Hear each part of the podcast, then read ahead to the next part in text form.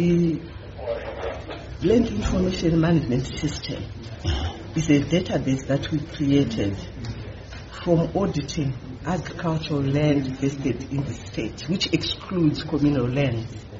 And this is a constitutional mandate. We ordered the farms over a period of five years.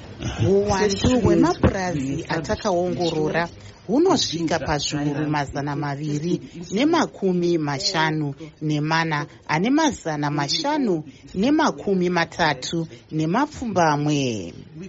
254538 tsvakurudzo yatakaita ine chekuita nekugoverwa kwakaitwa minda kwairi budiriro yakaitwa nevakapiwa minda kuchengetedzwa kweminda nemasa ne, kuchengetedzwa kweminda nemasango kuwaniswa rubatsiro rwekuti varimi vagare zvakanaka vachiwana unyanzvi hwokurima.